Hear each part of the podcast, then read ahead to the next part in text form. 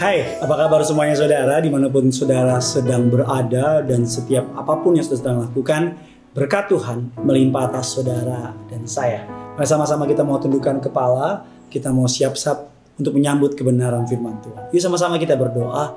Tuhan Yesus yang baik, kami mengucap syukur untuk kebaikan-Mu. Engkau baik, Engkau setia, Engkau tidak pernah meninggalkan kami. Kami mau siapkan hati kami sambut kebenaran firman Tuhan. Pakai hambamu lidah bibir perkataan untuk boleh menjadi berkat. Kata kalimat yang keluar, biar nama Tuhan saja yang dipermuliakan. Segala yang jahat kami patahkan. Segala yang bukan berasal dari Tuhan kami patahkan. Bahkan apa pun yang mengganggu, mencuri damai sejahtera kami dalam mendengar firman, kami juga patahkan. Allah Roh Kudus, sederhanakan firman-Mu buat hambamu jadi saluran berkat buat setiap umatmu yang menyaksikan. Mereka juga diberkati Tuhan. Bahkan hamba berdoa, siapa menyaksikan acara kerinduanku ini, setiap mereka diberkati dengan limpahnya. Di dalam nama Tuhan Yesus, sama-sama kita yang siap diberkati, kita katakan, Amin. Pintu baru. Ada banyak orang hari-hari ini menganggap kalau dalam hidup ini satu pintu ditutup, mereka langsung berkata, habis gue, selesai gue. Ada banyak orang bahkan ketika mengalami pemecatan, mereka langsung drop sedrop-dropnya. Kalau kata orang Jak Jakarta Selatan, kena mental katanya. Padahal Tuhan selalu menyediakan pintu-pintu berkat yang baru. Kalau manusia tutup pintu, jangan takut. Selama bukan Tuhan yang tutup pintu, engkau baik-baik saja. Tapi kalau Tuhan sudah tutup pintu, baru kita boleh takut. Firman Allah mengatakan dalam kejadian 26, ayatnya yang ke-22. Ia pindah dari situ dan menggali sumur yang lain lagi. Tapi tentang sumur ini mereka tidak bertengkar. Sumur ini dinamainya Rehobot. Ia berkata sekarang Tuhan telah memberikan kelonggaran kepada kita. Sehingga kita dapat beranak cucu di negeri ini. Kalau saudara membaca the whole perikop, bahwa setiap kali anak Tuhan atau dalam tokoh kisah di tempat ini mengalami menggali sumur-sumur yang lain, Yakub dengan berbagai macam keturunan Ishak dan sebagainya, mereka dicemburui oleh orang-orang di sekitar karena mereka lebih kaya, lebih berhasil, lebih maju. Dan singkat cerita, sumur-sumur yang mereka punya diambil alih oleh orang-orang di sekitar.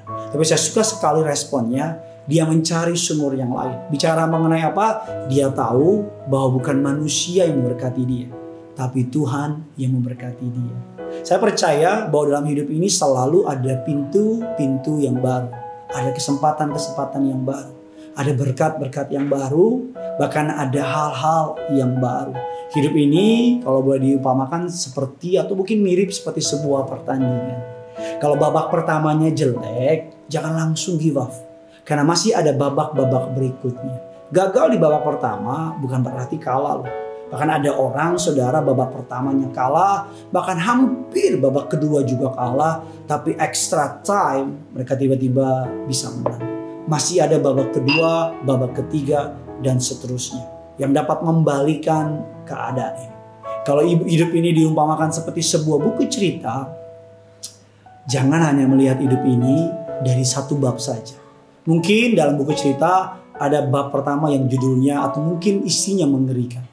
Tetapi kita semua tahu bab-bab berikutnya keadaannya mungkin makin tegang, makin berat. Tapi kita semua tahu endingnya menjadi manis. Kalau kita melihat hidup kita, maka kita akan melihat di tengah-tengah masa suka, di tengah-tengah keadaan sulit, Tuhan selalu meramu hal buruk, hal pahit, penolakan, pemecatan, rasa sakit, rasa kecewa, hal-hal buruk dia ramu menjadi sebuah rajutan yang indah. Dalam sebuah rajutan, benang warna hitam juga memenang, memainkan peranan penting. Tidak selalu benang benang berwarna-warni yang menyenangkan. Kalau ada benang warna hitam, itu membuat menjadi sebuah warna yang penuh dengan hal-hal yang menarik. Mari dalam hidup ini kita percaya ada pintu-pintu baru yang Tuhan sudah bukakan. Bahkan dalam sebuah buku, dalam sebuah film, biasanya jagoan menang terakhir saya nggak pernah nonton film, nonton film tiba-tiba jagoannya muncul, langsung menang dan langsung habis filmnya. Biasanya kalau film kayak gitu 10 menit juga udah selesai saudara. Tapi biasanya dalam sebuah film-film, saya suka banget film kungfu. Saya suka membaca Pendekar Pulau S, saya juga suka membaca lima jago sakti luar biasa. Saya membaca uh, ya banyak lah uh, karangan dari Koping Ho. Saya bisa klik di internet itu Koping Ho mantap sekali saudara. itu banyak nilai-nilai yang keren saudara. Saya jadi bahas soal komik ya. Tapi di kisah-kisah itu ada sebuah jagoan yang yang mohon maaf nggak pinter, bahkan juga uh, ya punya kelemahan tubuh dan sebagainya karena nggak pinter, badannya juga lemah amat. Tiap kali latihan kungfu selalu kalah, selalu nggak bisa. Dan hasil dia dikerjain, hasil dia dibohongin, difitnah. Bahkan satu kali dia dikejar-kejar sampai di ujung jurang dan dia jatuh. Ketika jatuh di jurang, musuhnya ketawa-ketawa, ah, ah, ah, ah, ah, mati lo, kalah lo. Eh ternyata ketika di ujung jurang jagoannya nggak mati. Beberapa hari kemudian dia sadar dari dari jatuhnya sakit-sakit badannya dan dia mencari makanan. Ketika dia mencari makanan, cari, cari, cari, cari, cari, ternyata dia ketemu sebuah kitab. Dan kitabnya kita semua tahu kitab yang maha sakti yang udah hilang berabad-abad tiba-tiba ada dan makanan-makanan di situ ternyata makan makanannya yang memiliki memulihkan tulang, memulihkan badan dan sebagainya dan sebagainya. Kalau istilah Jawanya lakon menang keri. Kalau diterjemahkan secara bebas, sang tokoh atau jagoan akhir atau jagoan utamanya pasti menang di akhir. Selama Tuhan belum tiup peluit sebagai tanda berakhir kehidupan ini, mari terus berjuang.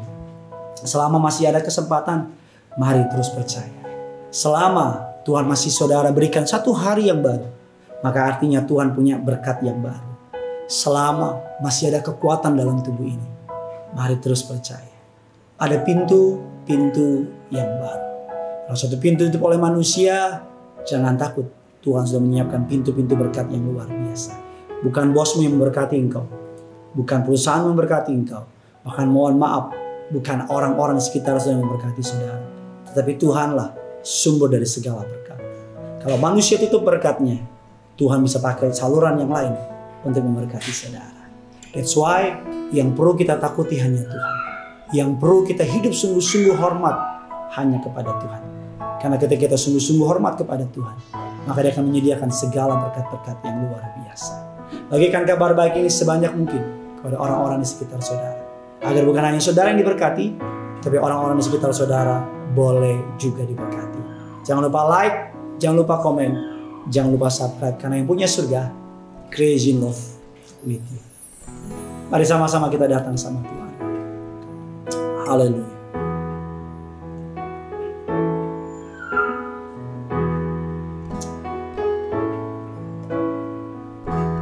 kita datang sama Tuhan. Hidup ini adalah kesempatan.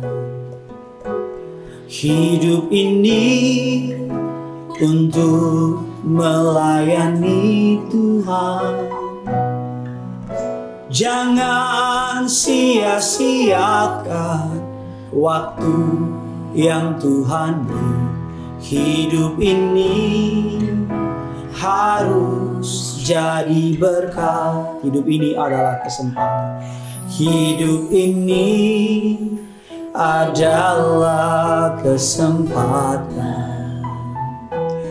Hidup ini untuk melayani Tuhan. Jangan sia-siakan waktu yang Tuhan beri.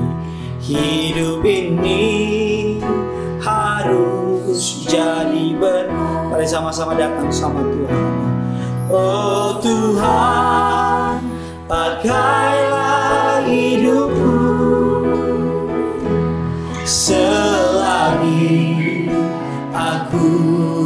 masih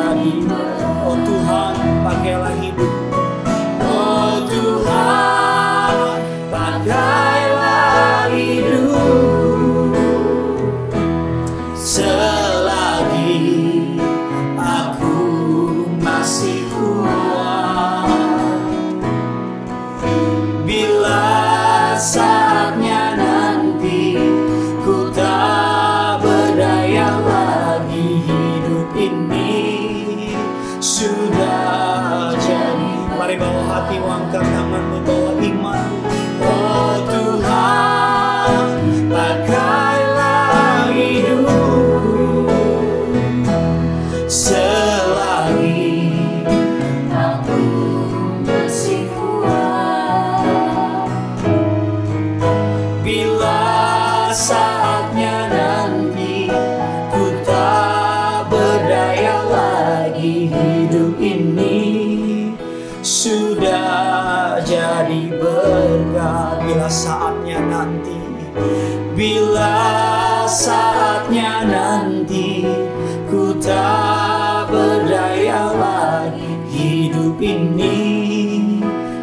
sudah jadi. Sambil angkat tanganmu bila saatnya nanti. Bila saatnya nanti ku tak berdaya lagi hidup ini. Sudah jadi berkat selama ada kesempatan selama masih ada nafas dalam tubuh kita selama masih ada kekuatan jangan menyerah Tuhan selalu menyediakan pintu-pintu yang baru. Dia selalu menyediakan berkat-berkat yang baru. Setiap pagi Tuhan memberikan kesempatan. Setiap hari adalah cara Tuhan menunjukkan masih ada kesempatan. Tetap kuat, jadilah kuat, jadilah beriman, jadilah percaya. Karena yang punya surga, crazy in love with you.